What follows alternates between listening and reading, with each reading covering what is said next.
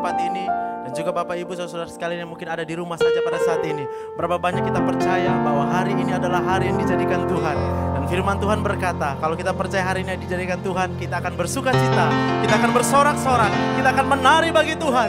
Yang percaya kita bangkit berdiri, kita puji Tuhan, bertepuk tangan. Haleluya.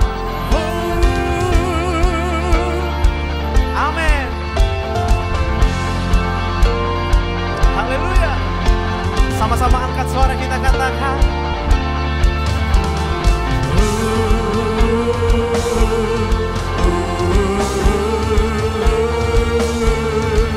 Yes.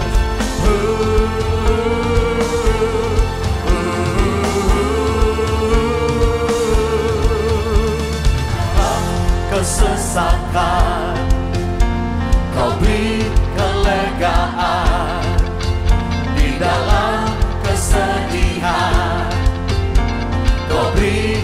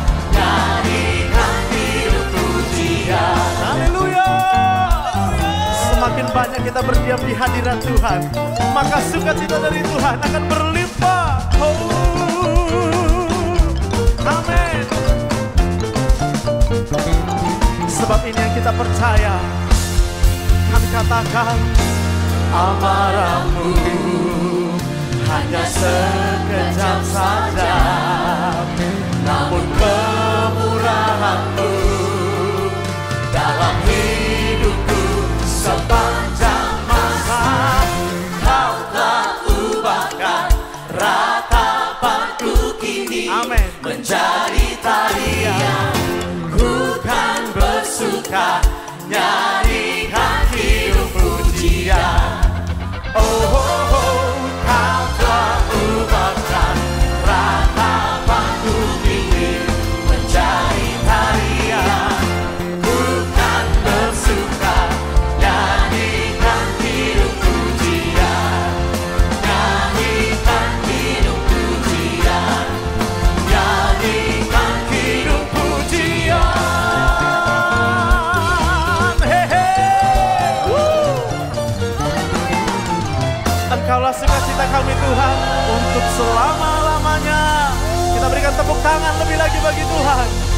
Rumah sorakan haleluya.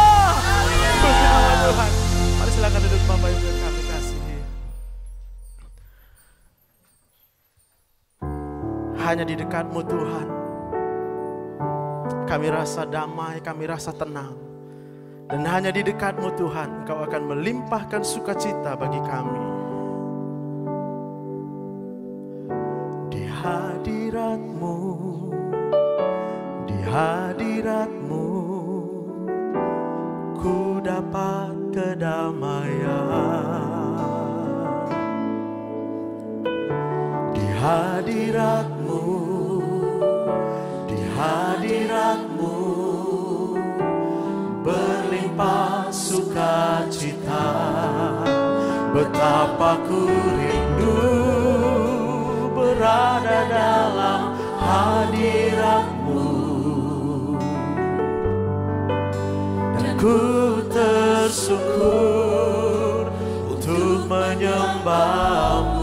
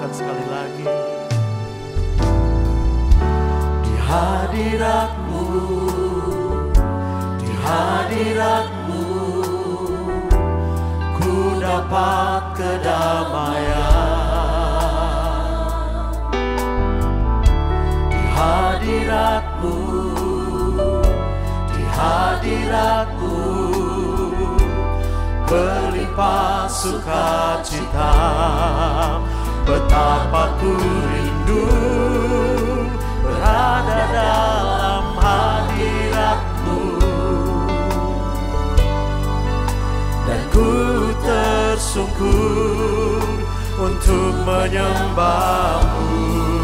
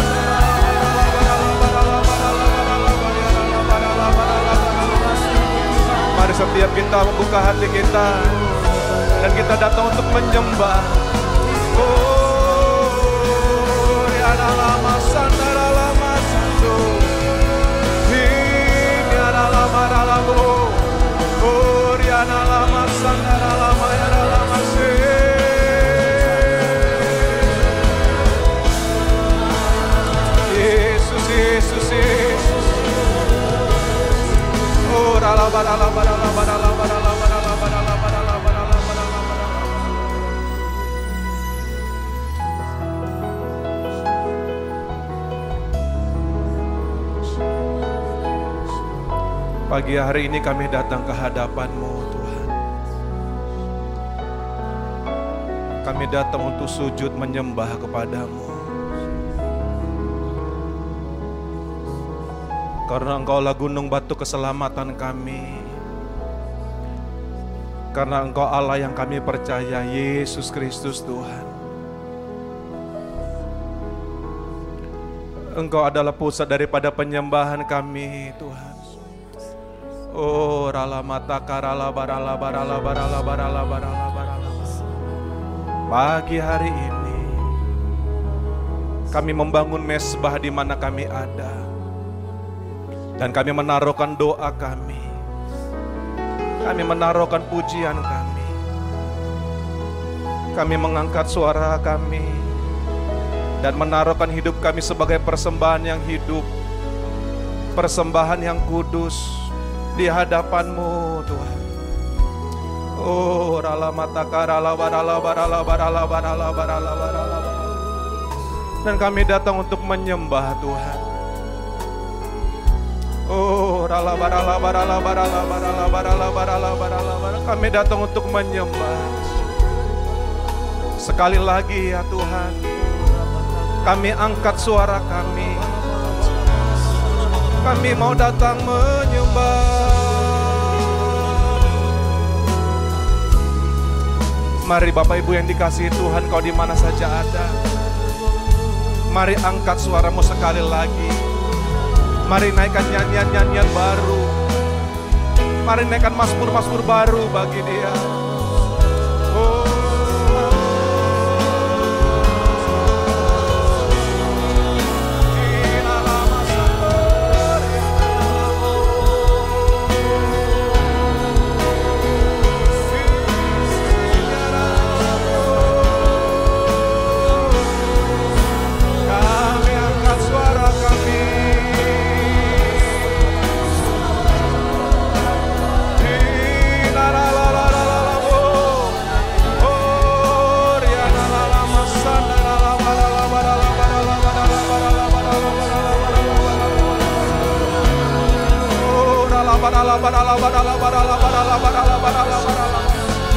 Kami dan seisi rumah kami, kami mau menyembahmu Tuhan.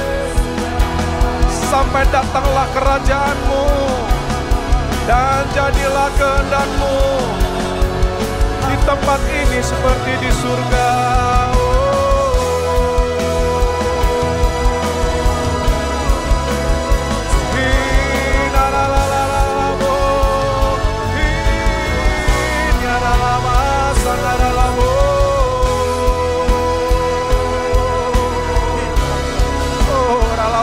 barala barala barala barala barala barala Kami berkata kau dahsyat Tuhan. Kami berkata kau ajaib. Yes, yes.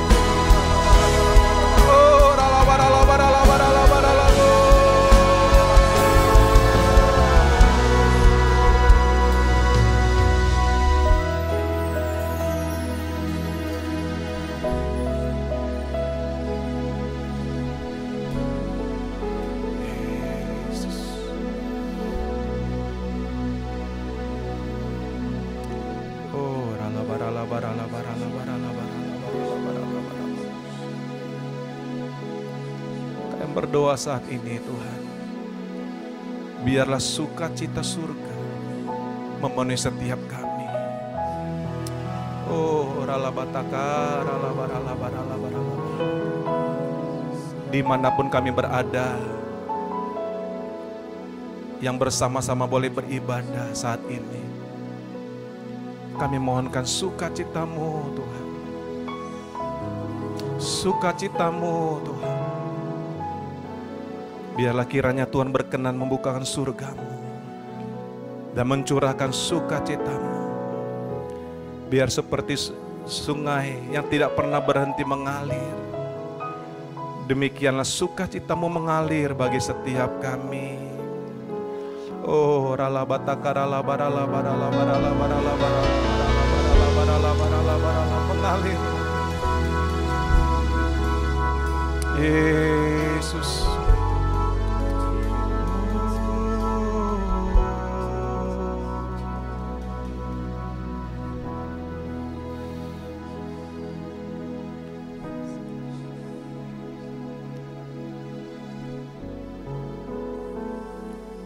Terima kasih Tuhan. Di mana satu hari Tuhan sediakan bagi setiap kami, yaitu hari Sabat. Di mana kami boleh datang untuk mendekat kepadamu. Karena kami sungguh mengerti, tidak ada seorang pun yang boleh datang mendekat kepada Tuhan, bila bukan Tuhan menariknya. Oleh sebab itu setiap kami yang bersama-sama beribadah, maka Tuhan pilih kami dari banyak orang untuk boleh mendekat kepadamu. Pada saat ini Tuhan, urapi hamba menyampaikan isi hatimu. Urapi setiap kami yang mendengar. Sehingga selama firmanmu diberitakan, biarlah sukacita Allah terus memenuhi setiap hidup kami. Mari setiap kita yang siap mendengar firman Tuhan bersama-sama kita katakan, Amin. Mari kita beri tangan yang meriah bagi Tuhan Yesus. Silakan duduk Bapak Ibu Saudara yang dikasih Tuhan. Puji nama Tuhan, Shalom bagi kita semuanya. Nah bagi Bapak Ibu yang dikasih Tuhan, biarlah kiranya damai sejahtera Allah memenuhi setiap kehidupan kita. Nah Bapak Ibu yang dikasih Tuhan, saya mengundang setiap kita membuka firman Tuhan di dalam kitab Filipi pasal yang keempat, ayat yang keempat karena tema daripada apa yang saya sampaikan pada pagi hari ini yaitu sekali lagi kukatakan bersukacitalah. Sekali lagi kukatakan bersukacitalah. Yang tertulis di dalam kitab Filipi 4 ayat yang keempat. Nah Bapak Ibu yang di rumah, mari kita persiapkan Alkitab kita dan kita mulai membaca ayat ini bersama-sama. Kita baca bersama-sama 3, 2, 1. Bersukacitalah senantiasa dalam Tuhan. Sekali lagi kukatakan, bersukacitalah. Nah Bapak Ibu yang dikasih Tuhan, saya percaya setiap ayat, setiap kata yang dituliskan di dalam Alkitab itu adalah penting. Yang setuju katakan amin. Dan apabila di dalam satu ayat, maka ada satu, ada satu, ada dua kata yang bersamaan, saya percaya itu bukan hanya penting, tapi itu sangat penting bagi setiap kita gereja Tuhan. Maka Filipi pasal yang keempat, ayat yang keempat, maka firman Tuhan berkata, bersukacitalah senantiasa dalam Tuhan. Sekali lagi kukatakan, bersukacitalah. Nah Bapak Ibu yang dikasih Tuhan, saya percaya di masa-masa seperti yang kita hadapi hari-hari ini, banyak alasan bagi kita untuk kita bisa tidak bersuka cita. Saya ulang sekali lagi. Dalam keadaan yang kita alami hari-hari ini, banyak alasan bagi kita untuk kita tidak bersuka cita. Mengapa?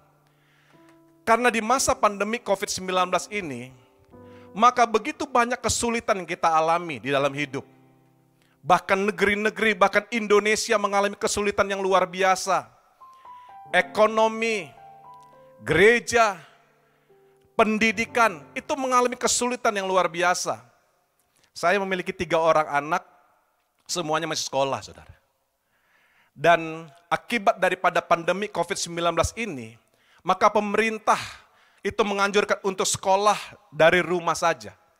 Dan apa yang terjadi? Maka istri saya harus terus mendampingi anak-anak kami untuk ikut sekolah dengan baik melalui uh, melalui media yang ada. Dan saya mau katakan itu nggak gampang. Karena kita belum terbiasa untuk hal itu. Karena kita mengenal satu istilah yang baru yang hari ini muncul, yaitu AKB, adaptasi kebiasaan baru. Sehingga Bapak Ibu yang dikasih Tuhan, masa-masa sulit yang terjadi ini luar biasa. Tapi saya mau beritahu bagi setiap kita, firman Tuhan katakan, dan apa pun yang terjadi dalam kehidupan kita, Tuhan mau kita tetap bersuka cita. Yang setuju katakan amin. Di dalam 1 Tesalonika 5 16, nah ini ada wajah eh, sahabat saya yang terus bersuka cita saudara. Nah berkata begini, bersukacitalah senantiasa. Tuhan berkata, bersukacitalah senantiasa apa pun yang terjadi dalam hidup kita. Tuhan mau kita bersukacita. Yang setuju katakan amin. Nah kalau kita lihat Filipi pasal yang keempat ayat keempat ini, ada dua bagian yang menarik yang saya sampaikan pada saat ini. Karena Filipi pasal yang keempat ayat yang keempat itu adalah tulisan daripada Rasul Paulus waktu dia ada di dalam penjara. Kalau kita lihat latar belakang daripada penulisan ini, di dalam kisah para rasul pasal yang ke-16, bagian yang pertama, ayat 13 sampai 18. Maka waktu itu Paus dan Silas ada di Filipi.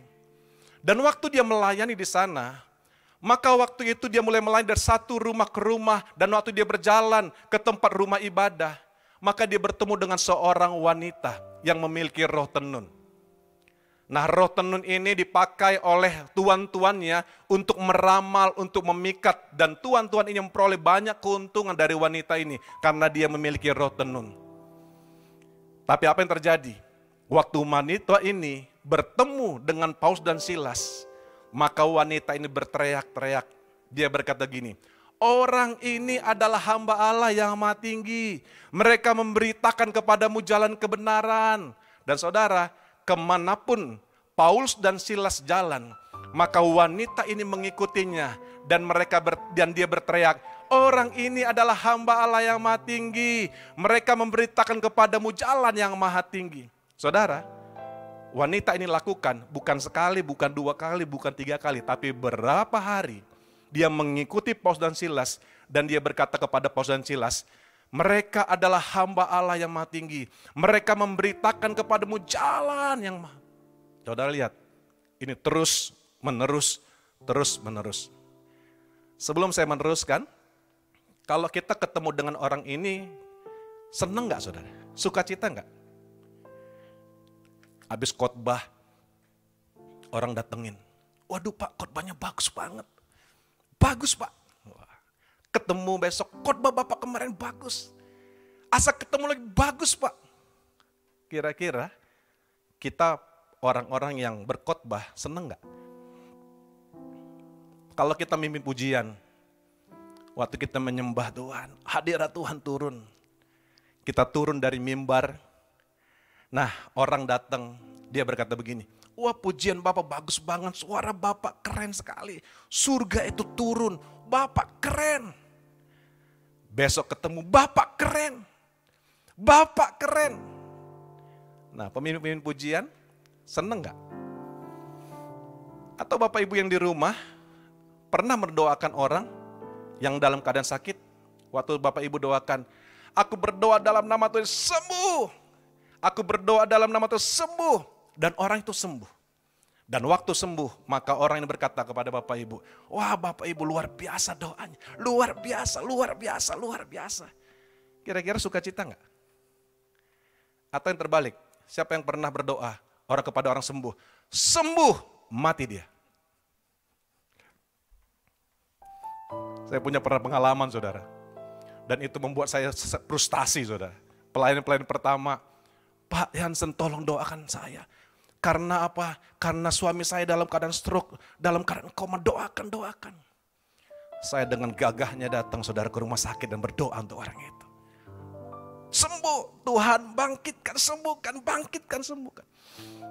Pulang saudara, tiba-tiba malam ditelepon. Pak, terima kasih. Wah, saya senang saudara, saya senang. Bapak saya, suami saya sudah meninggal. Waduh, saudara, saya kaget luar biasa. Saya bilang, Tuhan kenapa doanya nggak manjur begitu. Tapi kalau sebaliknya yang terjadi, kita doa kepada orang sakit, orang sakit itu sembuh. Dan saya percaya sukacita kita luar biasa.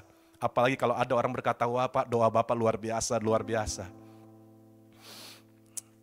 Bapak Ibu ini kasih Tuhan, apa yang dialami Paulus waktu menemui perempuan seperti ini? Yang diikutin dan berkata, wah luar biasa.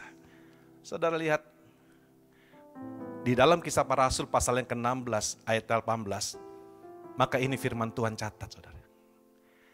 Hal itu dilakukannya beberapa hari lamanya. Tetapi ketika Paulus tidak tahan lagi, garis bawahi kata-kata ini, gangguan itu. Ia berpaling dan berkata kepada roh itu, demi nama Yesus Kristus, aku menyuruh engkau keluar dari perempuan ini. Seketika itu juga keluarlah roh itu. Wow. Saudara lihat, agak berbeda ya. Kalau tadi kita mungkin senang, tapi Paulus berkata begini, sukacitaku bukan atas puji-pujian orang yang ada. Sesuatu pengertian yang luar biasa saudara.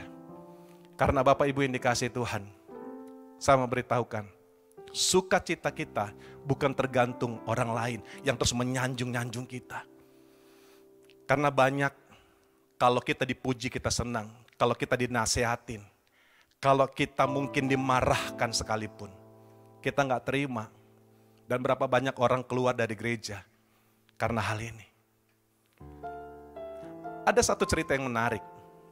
Seekor anak nyamuk keliling-keliling ke jalan Jamin Ginting, saudara. Keliling-keliling, keliling-keliling. Nah, tiba-tiba anak nyamuk ini ketemu dengan mamanya. Dia berkata kepada mamanya, Ma, aku hebat. Karena ketika aku terbang, orang-orang bertepuk tangan, bertepuk tangan, bertepuk tangan, bertepuk tangan. Saudara, mamanya langsung ngomong saudara. Awas nak, tepuk tangan mereka untuk apa? Membunuhmu, bukan karena kamu hebat. Jadi Bapak Ibu dikasih Tuhan, mari kita mulai perhatikan. Kalau pujian-pujian-pujian itu terus datang, biarlah kita seperti Rasul Paulus, kita berkata bersama-sama, pujian itu apa? Karena apa? Biarlah segala pujian itu hanya bagi Tuhan. Yang setuju katakan amin.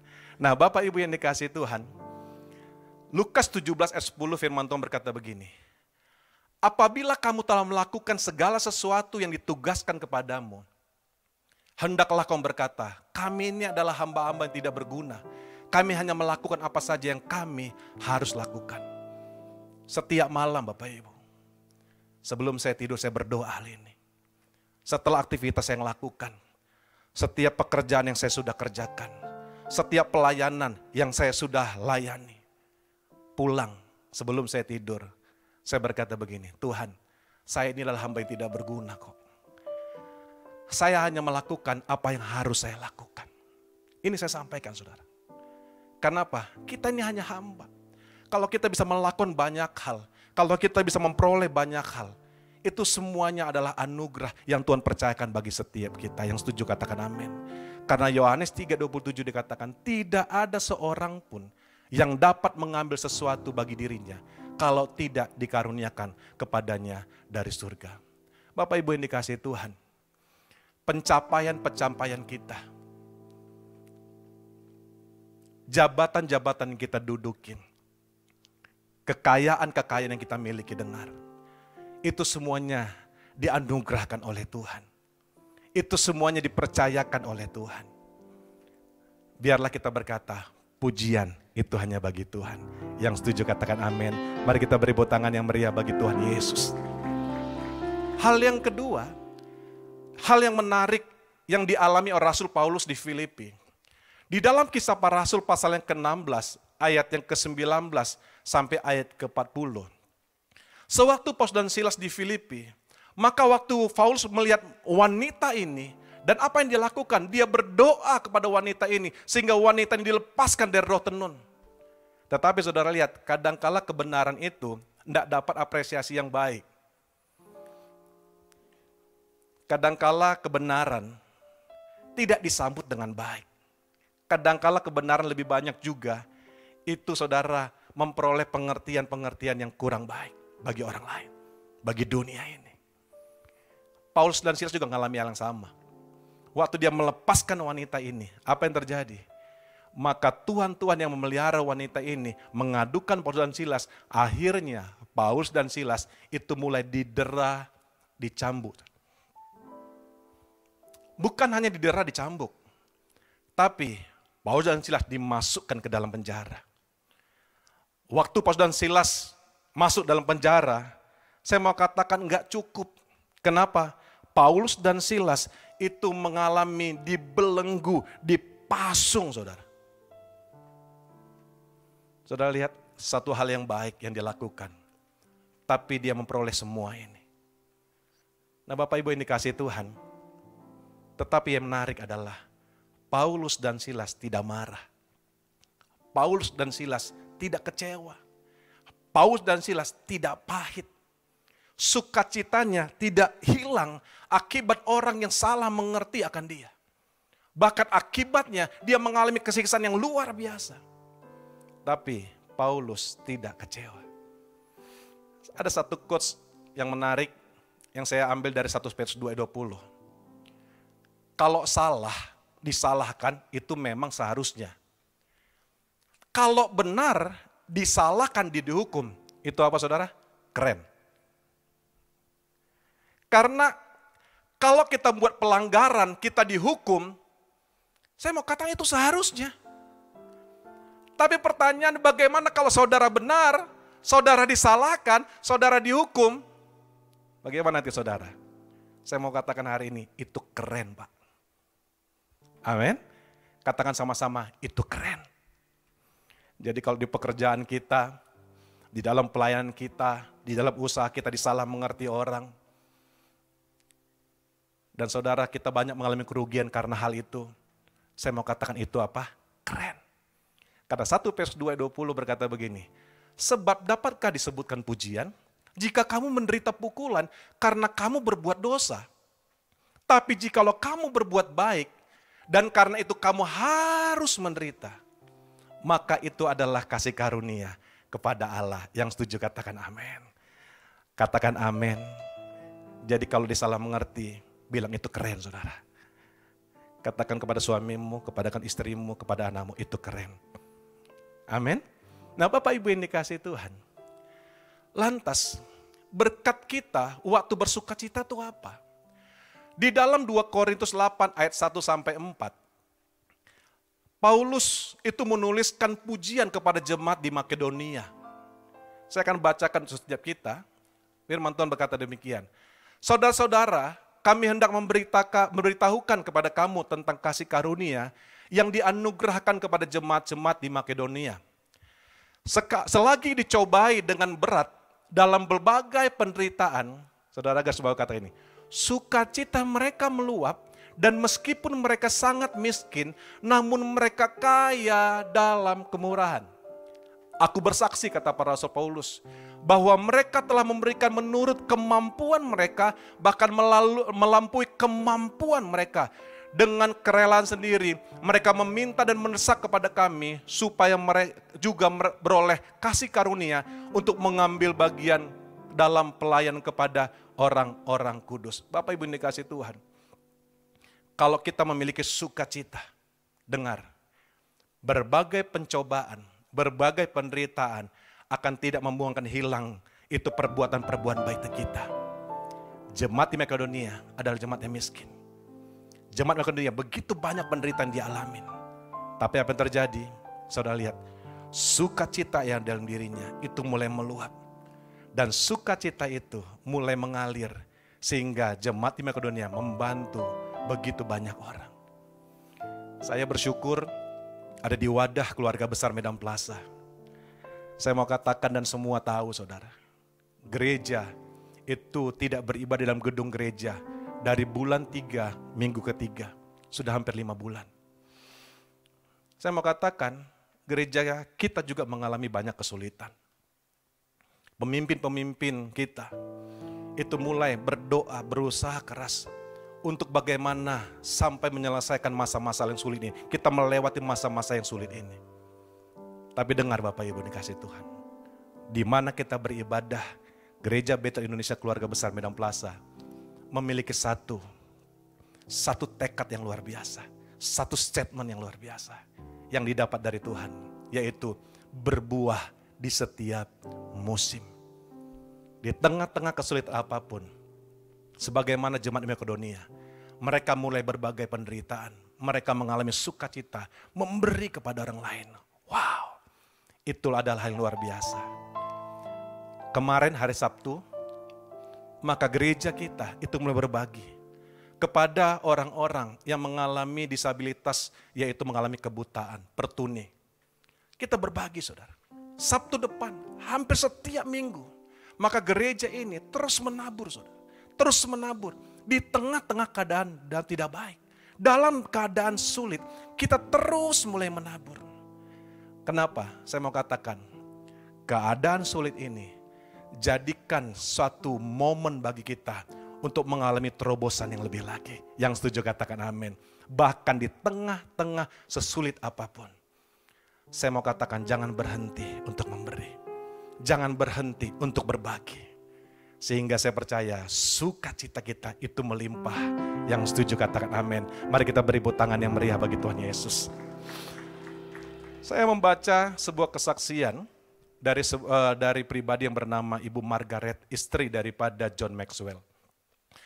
Nah, waktu beliau mengadakan seminar tentang kebahagiaan, maka saudara, setelah uh, acara itu berlangsung dengan luar biasa, John Maxwell ada di depan, maka saudara, selesai orang memberikan aplaus yang luar biasa.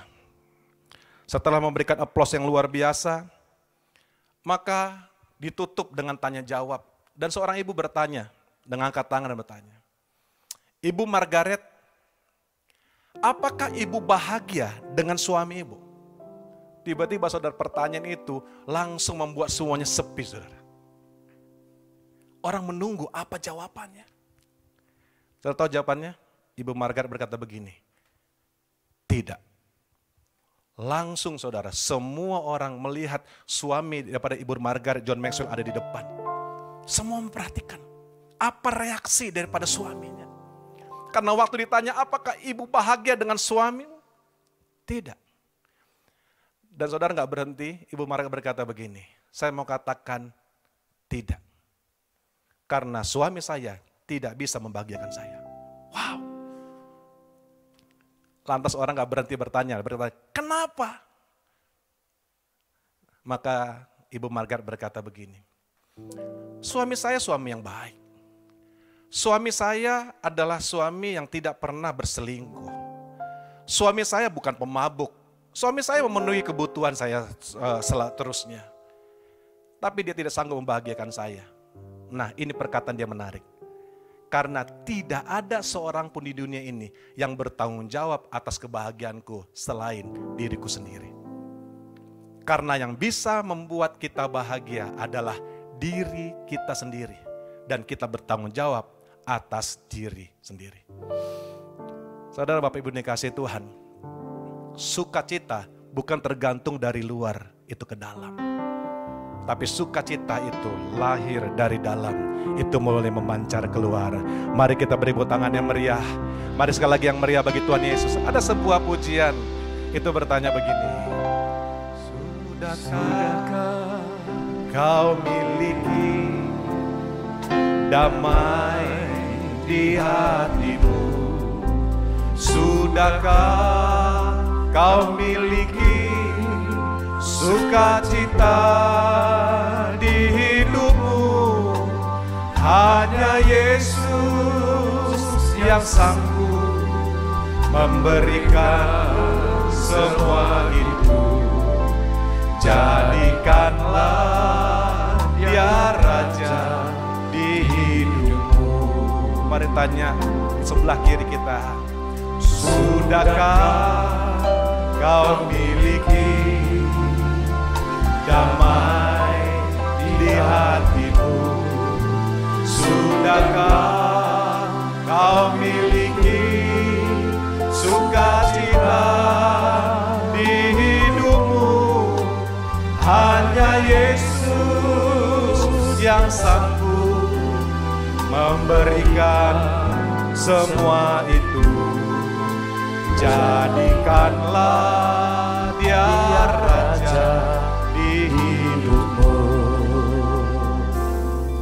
Nah Bapak Ibu yang dikasih Tuhan,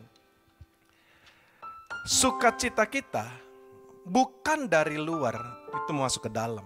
Tapi sukacita kita itu memancar dari dalam itu mulai keluar. Yang setuju katakan amin. Kita kembali di dalam Filipi pasal yang keempat ayat yang keempat. Filipi pasal yang keempat ayat keempat. Firman Tuhan berkata begini. Bersukacitalah senantiasa dalam Tuhan, sekali lagi kuatakan bersukacitalah. Maka saya melihat uh, Alkitab bahasa sehari-hari. Sangat bahasa yang sederhana, tapi membuat kita lebih gampang mengerti. Dikatakan begini, semoga kalian selalu bergembira karena kalian sudah hidup bersatu dengan Tuhan. Sekali lagi saya berkata, bergembiralah. Dari mana sumber sukacita kita yang sejati? Dari mana sumber sukacita yang kekal? Saya mau katakan waktu kita mulai dipersatukan dengan Tuhan. Yang setuju katakan amin. Nah Bapak Ibu yang dikasih Tuhan, di dalam Mazmur 5 11 firman Tuhan berkata begini. Tetapi semua orang yang berlindung padamu akan bersuka cita. Mereka akan bersorak-sorai selama-lamanya karena engkau menaungi mereka dan karena engkau akan bersukaria orang-orang yang mengasihi namamu. Hari ini Bapak Ibu ini kasih Tuhan. Uang, kekayaan, jabatan, pencapaian, itu memberikan sukacita yang sementara. Tapi saya mau beritahukan, ada sumber sukacita yang kekal, yang selamanya, yang abadi. Yaitu waktu kita dipersatukan di dalam Tuhan. Karena di dalam Roma 10 ayat 9 dan 10. Sebab jika kamu mengaku dengan mulutmu bahwa Yesus adalah Tuhan. Dan percaya dalam hatimu bahwa Allah telah membangkitkan dia dari antara orang mati. Maka kamu akan diselamatkan karena dengan hati orang yang percaya akan dibenarkan dan dengan mulut orang yang mengaku akan diselamatkan. Saya memberitahukan tidak suatu kebetulan Bapak Ibu mengikuti ibadah hari ini. Tidak satu kebetulan. Karena apa? Karena Tuhan Yesus mengasihi Bapak Ibu. Tuhan Yesus mengasihi saudara-saudari sekalian. Karena Tuhan mau memberikan sukacita abadi dalam hidup kita. Tapi pertanyaannya adalah, apakah sudah ada Yesus dalam hidupmu? Apakah engkau sudah dipersatukan di dalam Kristus? Ada satu doa Bapa kami di dalam Matius pasal yang ke-6 ayat 9 sampai 13 yang diajarkan doa pertama kali oleh Yesus. Maka saudara, ayat yang ke-10 firman Tuhan berkata begini. Datanglah kerajaanmu, jadilah kehendakmu di bumi seperti di surga. Semua kita tahu doa Bapa kami ini.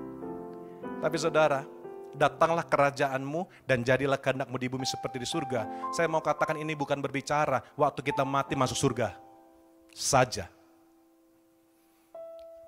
Itu ending saudara, terakhir itu. Tapi saya mau katakan, Tuhan mau nih, waktu di bumi kita mengalami surga itu. Amin. Bukan yang sekedar mati masuk surga. Itu nanti-nanti. Tapi saya mau katakan satu kerinduan Tuhan. Karena inilah doa yang diajarkan oleh Tuhan Yesus kepada murid-muridnya. Doalah, datanglah kerajaanmu, jadilah kehendakmu di bumi seperti di surga. Artinya waktu di bumi mengalami surga, waktu mati masuk surga. Gitu. Amin. Saya tutup. Ayo sama-sama. Biarlah setiap kita menutup firman Tuhan hari ini pastikan Yesus ada dalam hidupmu. Karena dia adalah sumber daripada sukacita yang sejati. Nah sebelumnya kita angkat pujian ini bersama-sama kembali. Kau miliki damai di hatimu Sudahkah kau miliki sukacita di hidupmu Hanya yang sanggup memberikan semua itu. Jadikanlah dia Raja di Mari sekali lagi kita bertanya Sudahkah? Sudahkah kau miliki damai di hatimu? Sudahkah kau miliki sukacita di hidupmu. Hanya Yesus yang sanggup memberikan semua itu Jadikanlah dia raja di hidupmu. Biar musik saja. Bapak Ibu dikasih Tuhan Engkau yang mengikuti ibadah hari ini Ayo coba periksa diri kita Apakah kita sudah dipersatukan dengan Tuhan Saya mau katakan Tuhan Yesus mengasihi Bapak Ibu Nah hari ini menutup ibadah ini Apabila Bapak Ibu berkata saya belum menerima Tuhan sebagai juru selamat. Saya mau katakan kekristenan nggak pernah menyelamatkan. Sekali lagi saya katakan kekristenan tidak pernah menyelamatkan. Tetapi Yesus yang ada dalam kekristenan itu yang menyelamatkan. Engkau perlu menerima Yesus sebagai Tuhan Juru Selamat dalam hidupmu. Bagaimana kita diselamatkan? Roma 10, 9, 10 berkata, Bila kita mengaku dengan mulut, percaya dalam hati, Yesus adalah Tuhan, kamu akan diselamatkan. Hari ini, bagi Bapak Ibu yang mulai digerakkan oleh Tuhan.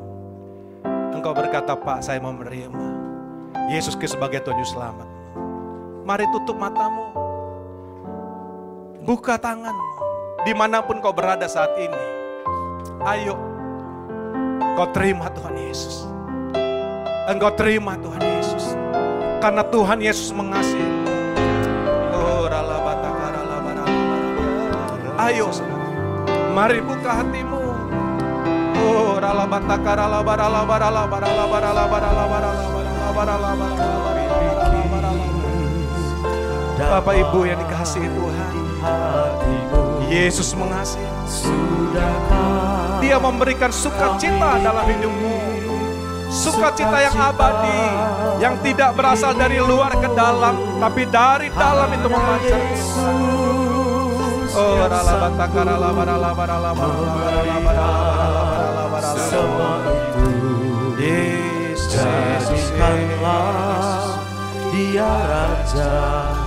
di hidup Bapak Ibu yang dikasih Tuhan, ayo tutup matamu. Bila engkau hari ini mau berdoa menerima Tuhan Yesus sebagai juru selamat, maka saat ini saya akan berdoa. Dan Bapak Ibu, di mana sepun kau berada, ikutin doa saya. Tuhan Yesus, Tuhan Yesus. pada saat ini aku mengaku aku orang yang bersalah. Aku mengaku aku orang yang berdosa. Dan di saat ini Dan di saat ini aku menerima Engkau aku menerima Engkau sebagai Tuhan dan Juru Selamat dalam hidupku. Aku membuka hatiku Aku membuka hati dan aku menerima Engkau dan aku menerima sebagai Tuhan dan Juru Selamat. dan Juru Selamat. Dan tuliskanlah namaku Dan tuliskan nama di dalam kitab kehidupan. Terima kasih Tuhan untuk keselamatan yang Tuhan beri. Sehingga sukacita itu melimpah dalam hidupku. Sehingga aku menjadi ciptaan yang baru. Aku menjadi manusia yang baru. Kami bersyukur ya Tuhan. Di dalam nama Tuhan Yesus. Aku berdoa. Amin. Mari kita beri tangan yang meriah bagi Tuhan Yesus. Jadikanlah dia Raja di.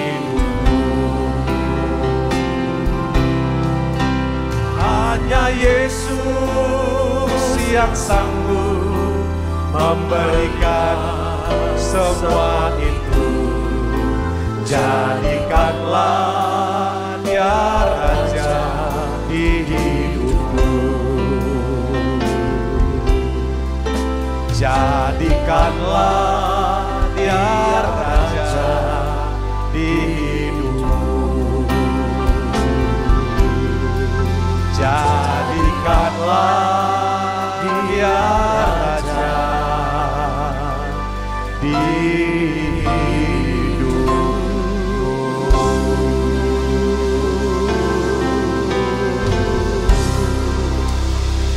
Bersyukur untuk hari ini. Terima kasih bagi setiap kami yang memperoleh anugerah kasih karunia keselamatan. Kami yang telah menerima Engkau sebagai Tuhan dan Juru Selamat dalam hidup kami. Berkata, sekali Yesus tetap Yesus dalam hidup kami.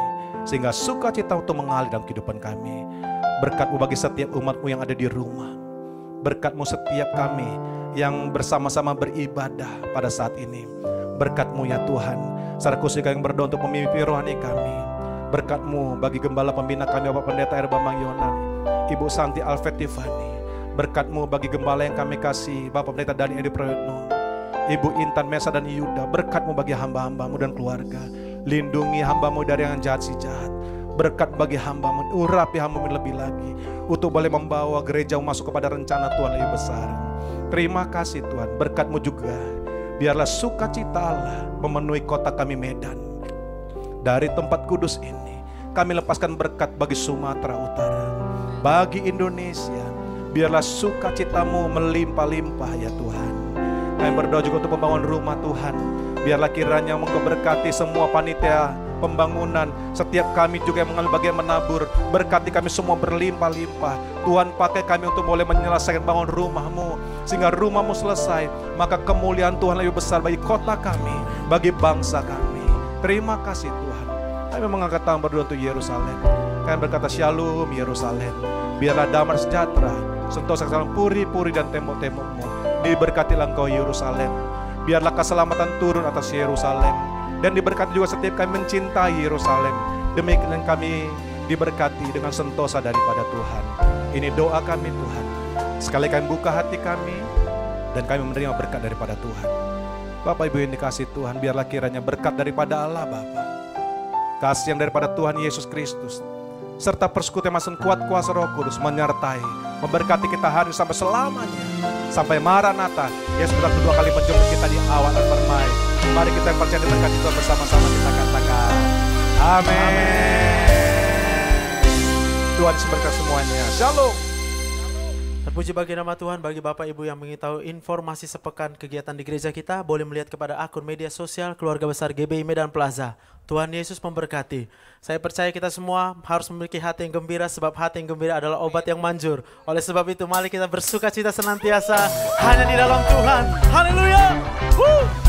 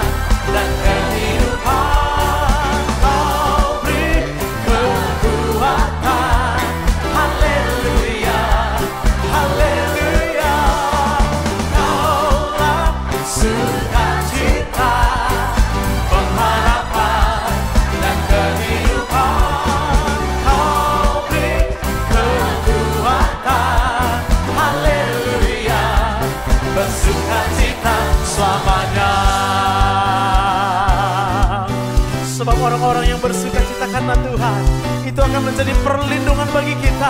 Itu akan menjadi kekuatan bagi kita. Sukacita kami tidak akan goyah di dalam Tuhan untuk selamanya. Kami katakan, hey. oh oh oh oh oh, oh oh oh oh oh